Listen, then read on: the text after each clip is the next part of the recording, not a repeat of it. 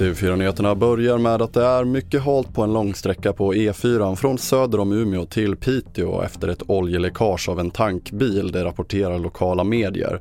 Enligt räddningstjänsten så är det en sträcka på 25 mil som är drabbad och där har mycket stor påverkan på trafiken. Vägbanan ska saneras vilket beräknas vara klart tidigast i eftermiddag. Vidare till USA där en tidigare Twitter-anställd döms för att inte ha registrerat sig som en så kallad agent för Saudiarabien, försök till penningtvätt och andra brott. Han tillhör en duo som enligt åtalet samlade hemlig användarinformation som senare lämnades över till saudiska myndigheter och en tredje person misstänks ha agerat som mellanhand. De övriga två är efterlysta av federala polisen FBI och detta är första gången Saudiarabien har anklagats för att ha spionerat i USA.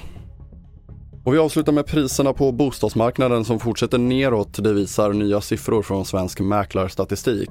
Allra värst är det i Storstockholm där priset på en bostadsrätt sjunkit ytterligare 5% i juli vilket innebär 10% de senaste tre månaderna. Vi är inne i en svag period som är påverkad av väldigt många negativa faktorer. Det började ju med den ryska invasionen i februari som sen fick med sig en massa svallvågor runt om i Europa.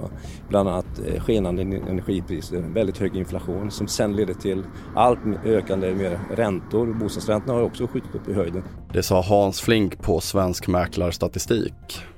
Fler nyheter hittar du på tv4.se. Jag heter André Metenen Persson.